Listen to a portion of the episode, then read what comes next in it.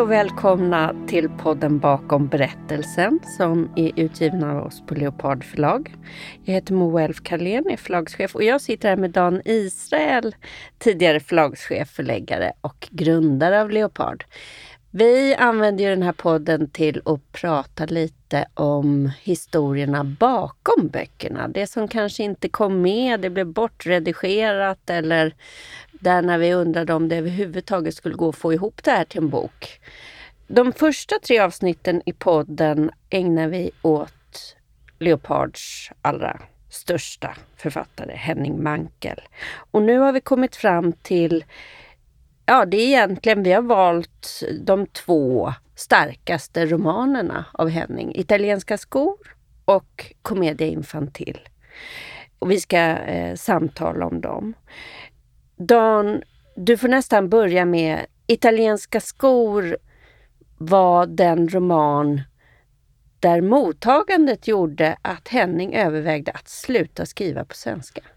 Ja, låt mig först säga så här. Egentligen, Henning sa alltid så här när man frågade vilken roman är det som är din bästa? Då sa han alltid, man har inga styvbarn. Ja, just det. Ja. Han sa i alla fall aldrig att det här var det som han tyckte var bäst. Jag tycker att det finns jättemycket bra romaner. Det, det är ju helt klart. Jag tycker att en tidig roman som Daisy Sisters ja, till exempel är en jättebra. av mina favoriter också. Ett väldigt bra kvinnoporträtt. Ja. Och det finns andra som jag också tycker är jättebra. Jag tycker väldigt bra om kinesen till exempel. Men om jag är tvungen att nämna två så är det italienska skor och Commedia infantil. Ja, det här med italienska skor. Alltså det som hände, det var egentligen att Henning sa ju alltid att han läste aldrig recensioner, vilket var en lögn. Vilket jag visste var en lögn därför att eh, man kunde liksom... Om man inte svarade i telefon eh, på dagen efter första dags recensionerna, då visste man att det har varit dåliga recensioner. Eller jag visste ju, jag visste ju mm. precis. Henning fick jättebra recensioner ända fram till Mördare utan ansikte. Alltså den fick också jättebra mm. recensioner. Men eh, när Henning började sälja, då slutade de bra recensionerna. Men den här boken, Italienska skor, den recenserades av en välkänd svensk författare. Jag ska inte nämna hans namn. ja. Och den var fullständigt tillintetgörande. Det är den här recensionen som kom i Dagens Nyheter. Och Henning var Henning var alltså... Han, kom, han, bara, han ringde mig och så sa han Jag kommer aldrig mer ge ut en bok på svenska på, som första utgåva. Utan jag kommer att skriva för det tyska förlaget och sen kan ni få översätta. Vad tänkte du då? Nej, men jag sa bara att jag redigerar inte böcker för andra förlag. och dessutom så redigerar jag inte på tyska. Men det var ju... Det, och det blev naturligtvis aldrig så. Men, men... men tror du att det också var för att han var så nöjd själv med romanen Italienska skor? Jag tror mm. att det var så att han hade nog väldigt höga förväntningar mm. på mottagandet. Mm. Det här var 2006 ja. eh, som den eh, gavs ut.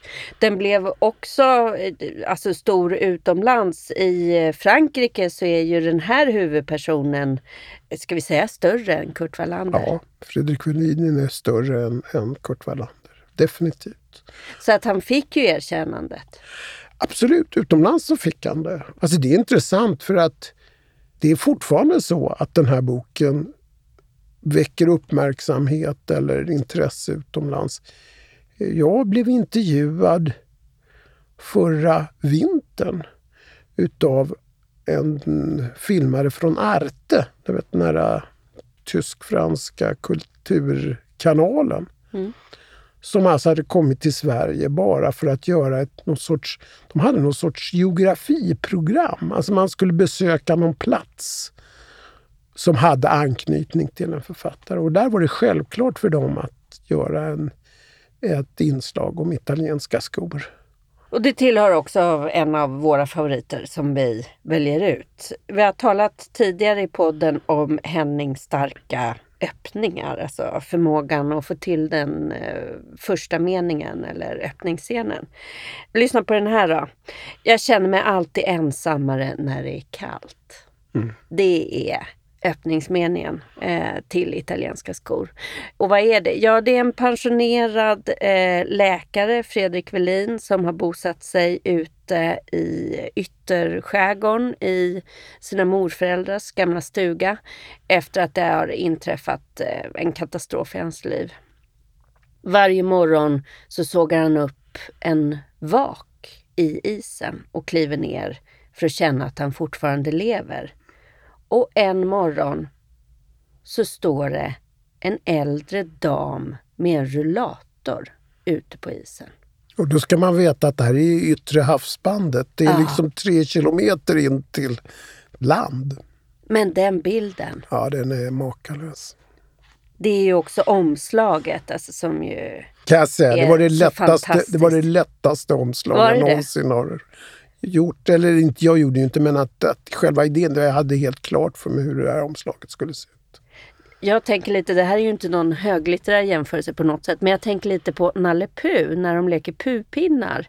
Så står de på bron, kastar ner en pinne på ena sidan av bron och sen så springer man till andra sidan för att se vilken pinne som kommer först.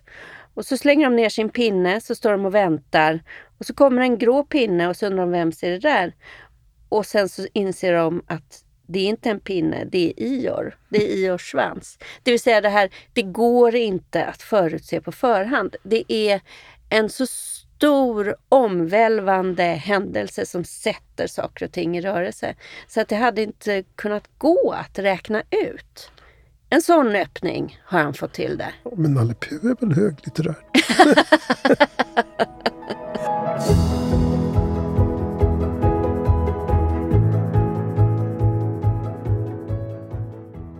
Minns du när du läste den scenen första gången? Ja, men det var när jag fick manus. det var ju liksom... Fick du ett helt manus? Jag fick ett helt manus. Det här var faktiskt en bok som jag redigerade. Som jag gjorde en del ändringar Inte just den scenen. Äh. Den scenen är ju så... Jag menar, just inledningen är ju så makalös. Och inte heller slutet ska jag säga. För jag tycker slutet också är makalöst. Ja. Jag tycker att det här är en av de böcker som där man innan man har läst den sista sidan så den sista sidan höjer läsupplevelsen så otroligt. Men vi ska inte mm, avslöja mm, det. Mm, den var väldigt genomtänkt kan jag säga. Det, egentligen så var det som ett musikstycke och det fanns fyra akter. Det ja, fanns, han kallar det satser. Ja, Sats, ja, första fanns, satsen, andra satsen. Ja, och så fanns det alltså fyra de, de fyra årstiderna skulle finnas med. Jaha, för så Men nu är det ju inte nu. Nej, nu är det bara tre. och det var egentligen för att... Eh, Men han tänkte på Vivaldis De fyra årstiderna? Förmodligen. förmodligen. Vad intressant. Ja. Och du tog bara bort en jag årstid? Jag tog bort sommaren där, tror jag. Ja, men, nej, men det var så här att det blev en upprepning. Henning var aldrig... Han sa nej, och han, efter mycket sådär mm, möda så, eller tanke, ja, så sa han ja, ja, jag tar bort det där. Men, eller rätt sagt, vi gjorde, vi gjorde det, vi drog upp, ihop det till en. Mm. Åren blev mm. både vår och sommar. Mm. Och så sa han, ja, nu får man aldrig veta om det var bra eller dåligt. Fast jag tror att det var bra. Så när du läste manuset då var det rätt så färdigt. Alltså, men du gjorde en del redigering. Men det var inte att han kom med en idé. Nej, nej. nej. Så var det aldrig hos Henning. Alltså Henning kunde berätta att nu håller jag på, jag har fått en idé. Men han berättade aldrig vad det var och han jobbade alltid klart manusen. Mm -hmm. Han brukade säga så här att att skriva en bok, det tar ungefär två år. Och det första året, då tänker man bara på vad det ska vara. Och sen sätter man igång och skriver. Och sen då, hur lång tid tog ni på er innan boken kom ut som regel? Ja, men det, det var relativt, alltså det var ju relativt kort alltid. Han, han var ju så otroligt produktiv, mm. Henning. Så mm. att man var ju tvungen att ge ut en bok varje år i princip, eller nästan. Mm. Jag tänker lite på Woody Allen som alltid släppte en film mm. per år. Ja. ja. men så var det ju lite med Henning. Alltså, ibland eh, så släppte han ju flera böcker samma år. Det, ja, vi pratade om det förra gången vi pratade om att om det var 1996 när han hade tre jättebra böcker som han släppte på en gång. Ja, men om vi störtdyker lite här då i italienska skor. Det är en tät roman. Han eh, förmår eh, baka in hela livsöden och berättelser på ett par meningar. Mm. Det är också egna bilder och eh, berättelser som man känner är Alltså som den där öppningsscenen, de går inte att räkna ut på förhand. De är just helt autentiska, mm. de är helt egna. Det är någon ton som går genom romanen där man känner att här är det något sällsamt som håller på att ske. Och nej, men jag håller med dig och jag tycker också att det finns en sån här, den här alltså bara bilden av en, att man har en myrstack ja. i ett utav rummen. Jag tänkte komma till myrstacken. Han har en myrstack i ett rum som håller på att sluka bordsduken. Någonstans är det ju en bild utav det totala förfallet naturligtvis. Men den får ju... Myrstacken spelar en stor roll i den här historien. Så att där är jag väldigt nyfiken om, om han visste, om han hade tänkt ut hur, hur det skulle vara. Och det vet jag inte. Men den, eller om det var någonting han kom på medan han skrev. Nej men jag håller med dig. Alltså jag tycker det finns väldigt mycket sådana här... Ja, det, det, är en bok som, där hela hans norrländska vemod finns. Ja. Och samtidigt så finns det också ju en glädje i den här boken. Och det finns ju, den är ju rolig. Ja, alltså, ja. Henning var väl inte känd för att han var så vansinnigt rolig. Men jag tycker det finns, finns alltså, den här skildringen av den här postiljonen ja, Ture Jansson. Jag menar, det är som otroliga... Det, alltså han bor ju längst ute på en ö. Och så det enda kontakt han har egentligen med mänskligheten det är den här postiljonen som kommer farande med sin båt Eh, bara ger honom reklam. Eh, eller ett, han får ett brev tror jag på de här medan han bor där ute och det är från kommunen där han kan välja vilken eh, gravplats han vill ha. Eller något sånt men det är ju mycket egendomligt för dem för den här Ture Jansson är ju så otroligt hypokondrisk. Ja. Jag ska också bara läsa en litet, litet stycke som jag, som jag tycker också är, säger, som jag tycker väldigt mycket om. Egentligen vet jag ingenting alls om Jansson, frånsett att han heter Ture i förnamn och är postiljon. Jag känner honom inte och han känner inte mig. Men när han kommer runt udden brukar jag stå nere på bryggan och vänta. Jag står där och undrar varför och jag vet att jag inte kommer att få något svar. Det är som att vänta på Gud eller Godot, men istället är det Jansson som kommer. Ja, och eh, han kommer med en ny sjukdom varje gång. Är kärnfrisk. Ja, är kärnfrisk, precis. Han säger jag har ont i en tand, gå till en tandläkare. Mm. Och så slutar det ändå med att han står och undersöker tanden. Men det är fullt av, av symboler. Det ligger en eh, gammal eka på ön som han har dragit upp för att göra i ordning och den ligger där under presenningen. Och som läsare undrar man bara om den någonsin kommer komma i sjön mm. eller om eh, det är som att han aldrig tar sig för. Och den mm. där eh, båten blir också en symbol för hans eget liv som mm. bara är i ett, i ett förfall som han inte lyckas hejda. Nej. Hans liv har gått i stå. Både, och det beror ju både på honom själv. Jag menar att han har han har ju haft vans eller en stor tendens att fly ifrån. Det är ju själva storyn i det här att den här kvinnan som står ute på isen, hon är ju en gammal kärlek som plötsligt har dykt upp och som han övergav på ett ganska brutalt sätt. Mm. Och så har hans liv varit på något sätt. Han har flytt. Och sen så kommer den stora katastrofen när han opererar fel. Och då bara lämnar sin läkarkarriär och så bara flyttar ut. Och det är verkligen en bok om Alltså det är en person vars liv har gått i stå. Och det är som sagt då, hela hans omgivning präglas utav det också. Men jag tycker det är så insiktsfullt porträtt av manlighet också. Den här mannen som är så rädd för sina egna känslor så mm. att han bara flyr. Mm. Ja.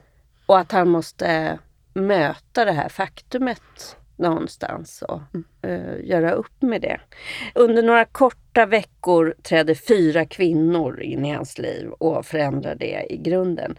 Det är Harriet, Louise, Agnes och Sima.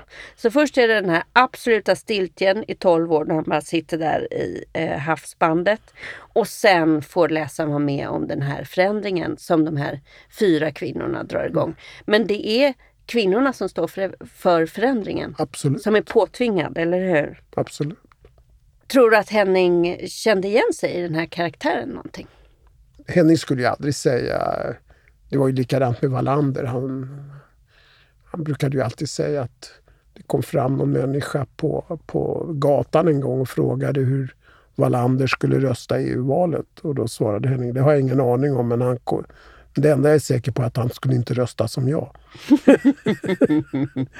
men vad betyder det då? Ja, men det betyder ju naturligtvis att, i, att Henning hämtade mycket i sig själv. Och det, det är klart att Henning hade ju inte den typen av katastrof. Men jag menar, dels så var det ju så att Henning den där skärgård, skärgården, Norrköpings skärgård, det var ju ett, ett eh, han hade, var ju förankrad där. Han hade ju ett sommarställe där och, eh, Eh, och det var också ett ställe som han ständigt återkom till. Han älskade ju skärgården och just den där yttre, karga delen.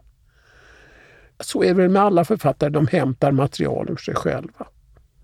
För det Harriet, hans tidigare kärlek då, kommer för att be honom om innan hon dör, det är att han ska införliva ett löfte som han gav henne. Och det är att eh, han ska ta henne till en kärn i norra Sverige. Så här skriver han. Vill du veta varför jag vill se den där kärnen? frågar Harriet. Plötsligt var det som om hennes röst fick en annan klang. Ja, sa jag. Det vill jag veta. Därför att det är det vackraste löfte jag någonsin har fått i mitt liv. Det vackraste. Ja, det enda riktigt vackra. Just så sa hon. Det enda riktigt vackra löftet. Det var starka ord. Jag kände det som att hon hade dragit igång en stor orkester i mitt huvud. Där satt jag mitt bland instrumenten med stråkar vid min sida och blåsare bakom mig. Man får ständigt löften, fortsatte hon. Man ger sig själv löften. Man lyssnar till andra människors löften politiker som talar om ett bättre liv för de som åldras, om en sjukvård där ingen ska få liggsår, banker som ger löften om högre räntor, mat som lovar minskad vikt och krämer som garanterar en ålderdom med färre rynkor. Livet är inget annat än att kryssa sig fram i sin lilla båt mellan en oändligt skiftande men aldrig sinande ström av löften. Hur många av alla dessa löften minns man? Man glömmer det man vill minnas och minns det man helst vill bli fri ifrån. Svikna löften är som skuggor som dansar runt en i skymningen. Ju äldre jag blir, desto tydligare ser jag dem. Det vackraste löftet i mitt liv var det du gav mig när du lovade mig den där skogskärnen. Jag vill se den och drömma att jag simmar i den innan det blir för sent. Mm. Det är vackert. Det är en eh, fantastisk beskrivning tycker jag mm. över hur det är att leva. Att man är omgiven av löften mm. till sig själv, till andra. Mm. Jag tror att det är därför den här boken är så stark och så populär. Det är en bok som... Jag ska inte säga att han skalar av en mänsklig relation, men, men han hittar kärnan i en mänsklig relation. Boken är ju verkligen en, re, den är en resa i dubbel bemärkelse. Jag menar, han rest, de, där de ger sig ut på en roadtrip och det händer saker som får avgörande betydelse på många sätt. Men det är också en resa från detta tillstånd utav total känslokyla till att han blir en människa som känner det. Mm.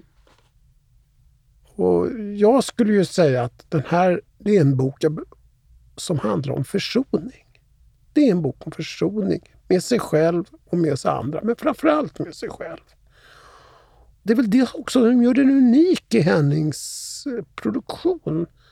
Därför att eh, Henning var inte den som försonade sig med sitt eget öde, mm. till exempel. Vi mm. pratade om det där med hans mamma. Han försonades inte med sin mamma. Jag tror aldrig han försonades med att han, att han växte upp utan sin mamma. Men den här boken, den är en bok om försoning. Och det är det som gör den så otroligt vacker och gripande. Och vad var det som hade hänt i hans liv? Vet du det? Den här kom ut 2006. Det tar två år att skriva en roman enligt honom själv. Vad hände 2004? Alltså jag är så korkad så jag frågade aldrig eller, eller undrade aldrig egentligen. Alltså, nej, jag, tror, alltså jag vet inte. Jag tror att det här var en berättelse som fanns inom honom, har funnits inom honom länge. Mm. Och plötsligt så fann han plats för den. Det var inget där jättenytt som hade hänt. Jag menar, Eva hade han träffat åtskilliga år innan. Och, ja, nej, jag kan inte se att det fanns en sån där avgörande yttre. Det är också att boken rymmer flera historier, eller hur? Flera väldigt starka karaktärer mm. som ändå bara är bifigurer. Mm. En av dem är ju skomakaren. Ja. Alltså, kan du berätta, italienska skor, kan du berätta om titeln? Ja, alltså, Henning har ju... Det finns ett par såna här... Henning hade ju alltid citat mm i början. Och då har han ett från Changshu sen. När skon passar tänker man inte på foten. Men egentligen så har han, han har ju också ett citat av Nils Bohr som säger det finns två sorters sanningar. Trivialiteter där motsatsen uppenbarligen är orimlig och djupa sanningar som kännetecknas av att deras motsats också är en djup sanning. Det där med italienska skor är väl det handlar, det, det är ju den här jag menar långt ute, i mitt, typ, det är också den här äh, lite bisarra situationen. Långt ute i skogen så sitter det en fullkomligt genial eh, skomakare som gör, han gör ett par skor per år och de är perfekta. Och det är väl någonstans så är det väl, ja det, det finns naturligtvis drömmen om det perfekta. På alla andra områden så finns det inte perfektion. Men just vad det gäller skor så kan man göra en perfektion. Eller i hantverk så finns det väl. Det är väl kanske Hennings dröm också om, om den perfekta, att skriva den perfekta romanen. Eller någonstans tror jag att det finns ett samband där. Mm, livet, det är därför skomakaren är med? Ja, alltså jag tror så här, livet det blir aldrig perfekt. Men det man gör, det kanske kan bli, om, åtminstone nästan perfekt. Skorna är perfekta. Han har ju nästan aldrig på dem för de är ju så bra. Mm.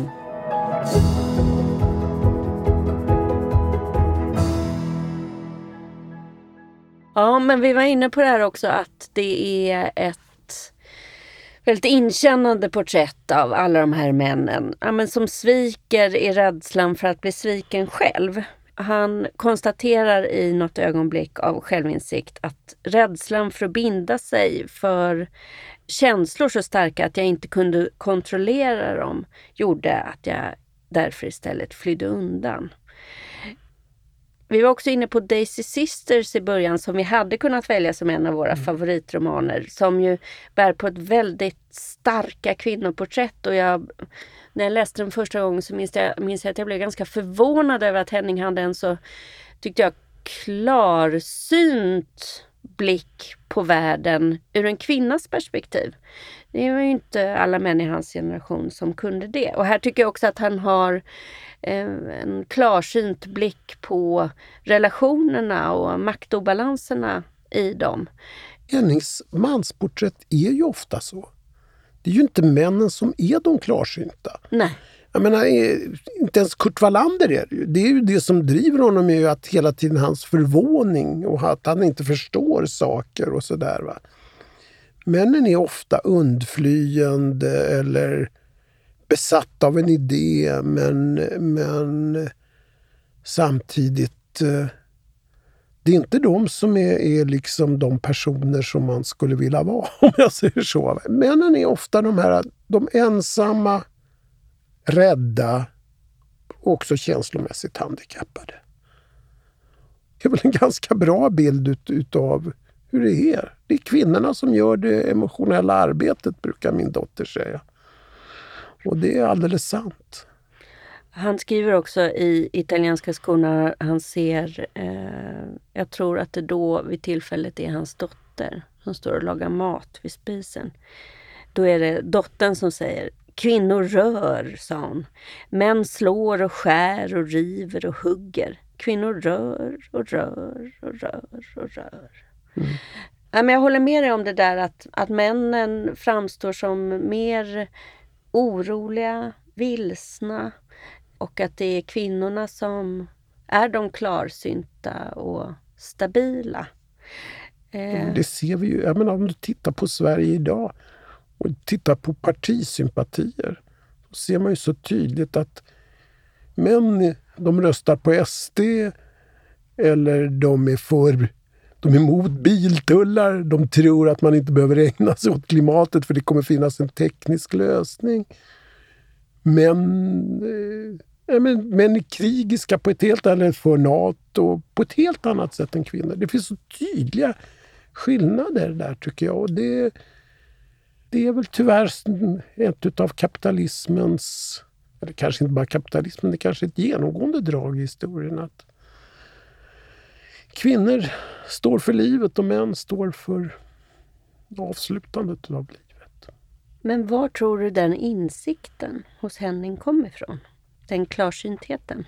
Jag är inte säker på att det är en klarsynthet. Jag tror att det är det som jag sa förra gången. Henning...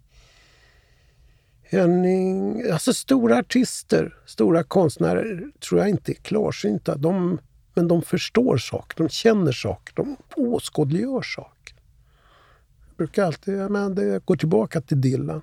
Dylan intog ju ständigt nya roller. Men han kände vad som fanns i tiden och gav uttryck åt det. På ett fantastiskt sätt. Och så tror jag att det var med Henning också. Så var det väl med Bergman också.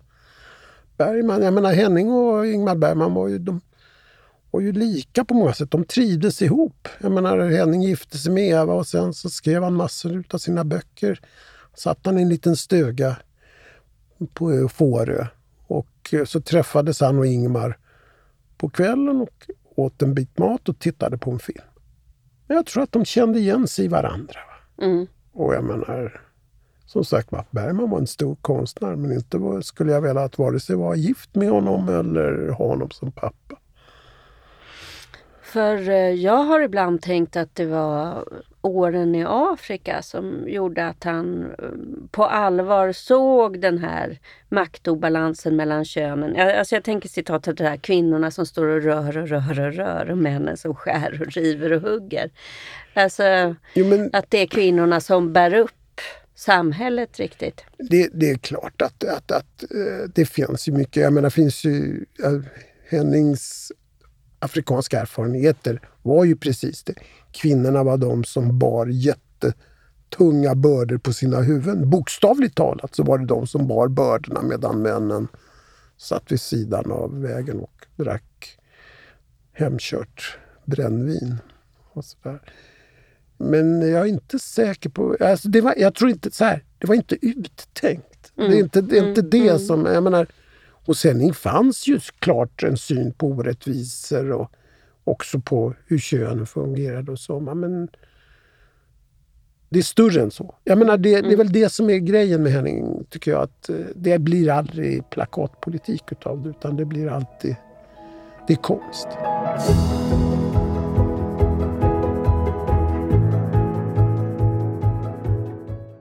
Ska vi komma in på Commedia Infantil?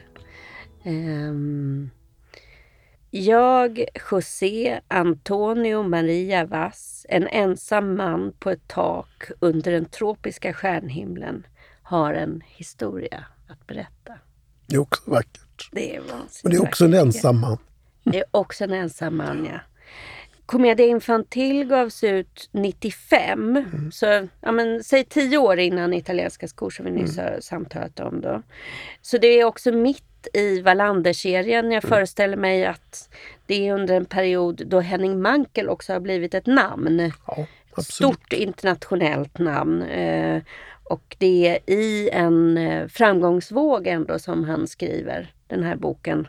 Som blir nominerad både till Augustpriset och även Nordiska rådets pris. Och fick eh, läsarnas pris för alltså Sveriges Radios romanpris där läsarna bestämmer vem som har skrivit den bästa romanen. Just det vann han. Men inte de övriga priserna? Ja, jag tror att, eh, så, så, att Augustpriset fick, eh, det var Hummelhonung som fick det det året. Och roman, Nordiska vet jag inte vem det var. Vi talade tidigare om hur han tog en dålig recension. Hur tog han att, att inte bli upptagen i det litterära etablissemanget som jag varit inne på? Ja, han var i Afrika när, när Augustpriset skulle delas Aha. ut och han... Jag hade ett, ett tacktal som hette Ett tacktal som förmodligen inte kommer att behöva hållas. Vilket var sant. Så att han, där tror jag att han var väldigt realistisk och jag tror också att han tyckte att eh, Torgny Lindgren var, var en stor författare. Det fanns ingen, ingen konkurrens på det sättet att, mellan honom Förresten, om vi går tillbaka till den här historien på, om uh, italienska skor och den dåliga recensionen. Mm. Han fick, det var som sagt en känd svensk författare som skrev ner den fullständigt. Och jag träffade sedan den här författaren en gång på Bokmässan i Dresden av alla platser. Och då frågade jag honom varför han tyckte så illa om den här boken. Och det visade sig att han tyckte egentligen inte illa om den här boken. Han tyckte illa om Henning. Mm. Henning hade sagt något som han hade blivit förolämpad av. Och så gav han igen. Och det tycker jag också är intressant därför att det visar väl... Jag menar, författare är sällan kollegiala. Det finns naturligtvis ett jättelikt konkurrensförhållande. Och det här tycker jag tillhör bottennappen. Men, men jag menar, även Henning hade väl sådana sidor. Men just vad jag tror att det fanns vissa personer som man högaktade. Där, dit hörde Torgny Lindgren och också P.O. Enquist naturligtvis. Och Myrdal som han naturligtvis, för oss i den generationen var ju Myrdal en, en avgörande person. Men hur han tog det här att inte bli upptagen i etablissemanget? Henning ville inte vara en del av etablissemanget. Alltså det var intressant. När jag började på Norstedts, vi kom överens om att Henning skulle skriva klart Wallander-serien på Ordfront. Henning ville egentligen inte komma ut på Norstedts. Vi gav ut en roman på Norstedts och Norstedts lyckades inte sälja den särskilt väl. Det var min son. Det var... Jag tror att de bara ville ha kriminalromaner från Henning. Då hade de kanske lagt ner lite mer möda. Nej, men Henning ville inte vara en del utav Han var inte en del av etablissemanget. Han ville inte vara en del av etablissemanget. Han, det pratade vi om förra gången. Mm. Han ville inte gå på, på Aftonbladets kulturfester och supa. Eller, han var obekväm med det. Och jag menar, det var han som han var, drev på att vi skulle starta Leopard. Mycket högre grad än vad jag gjorde. Jag, jag var nog lite rädd.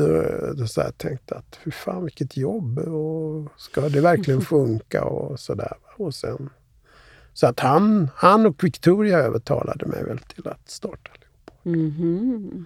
Det visste jag faktiskt inte. Jag har inte hört dig berätta om det riktigt. Ja, men så Commedia Infantil skriver han ändå inifrån den här framgångssagan och han väljer att skriva eh, ett gatubarns mm berättelse.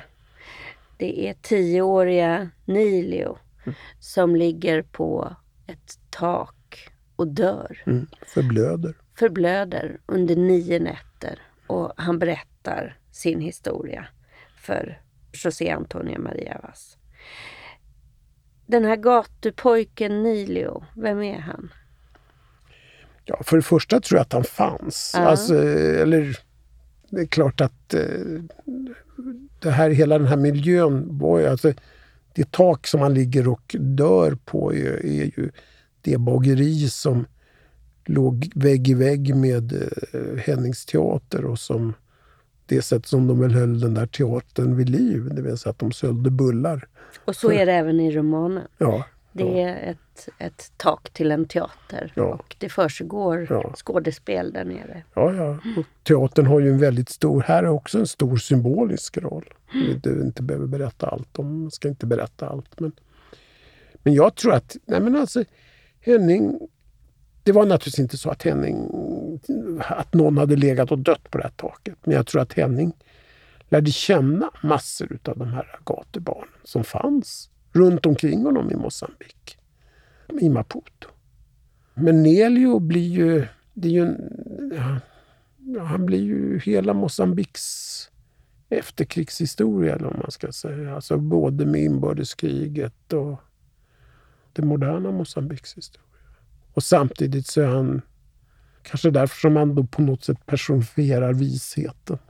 Det är en väldigt vacker, hemsk, sorglig men gripande bok. Den är, den är ju fantastisk.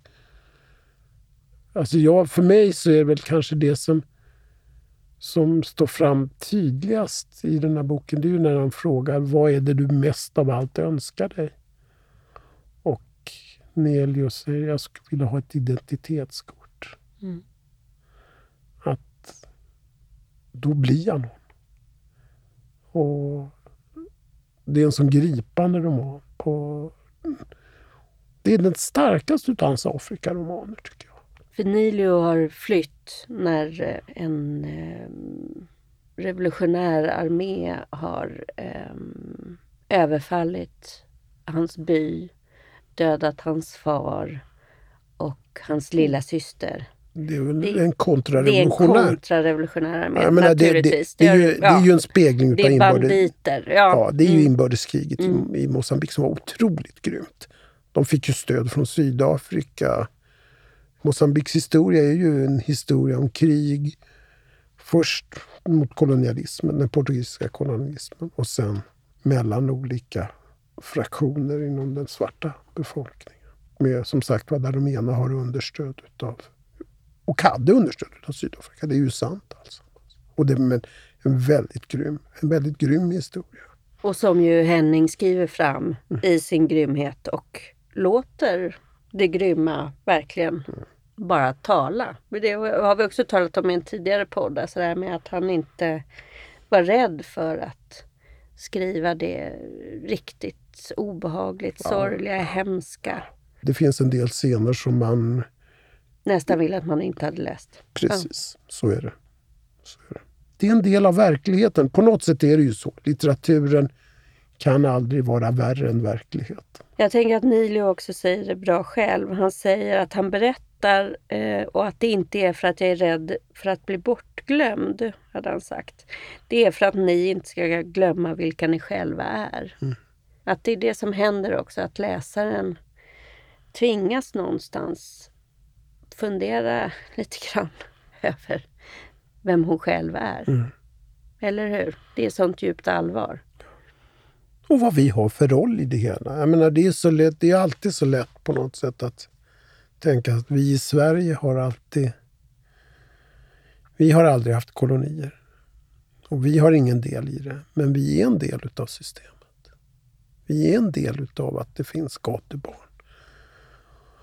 Sen finns det naturligtvis det fantastiska att han visar ju det jag menar, nu, nu tar vi upp allt det dystra, men det här är ju också en bok full av livsglädje. Mm, mm. Och det här med de här gatubarnen, deras livsglädje och deras... Alltså, har man hittat en rullskridsko så är det fantastiskt därför att då kan man ju dela på den. Man kan inte åka, alla kan inte åka på den samtidigt, men alla åker på den och ingen har två. ja, jag tänker också att den bär på livsmod. Jag tänker på något som jag tog som väldigt tröst för att eh, när Nilio flyr, han har inte ens fått med sig ett par byxor och han eh, ägnar mycket tankemöda åt att försöka Ja men han skulle verkligen önska att han hade ett par byxor. Han möter olika människor och ber om råd. Och en person som han möter tidigt, då är ju det här liksom en, ett nioårigt barn utan byxor som har flytt. Och som läsare så, så känner man väldigt stor sorg och obehag. Så frågar personen som man möter, har du gått vilse? Ja, säger Nilio. Då kommer du att se saker som du inte hade förväntat dig. Mm. Det tycker jag är väldigt trösterikt, eller hur? Nästan som att... Eh... Det är lite Thomas Tranström. Ja, ja, det är det.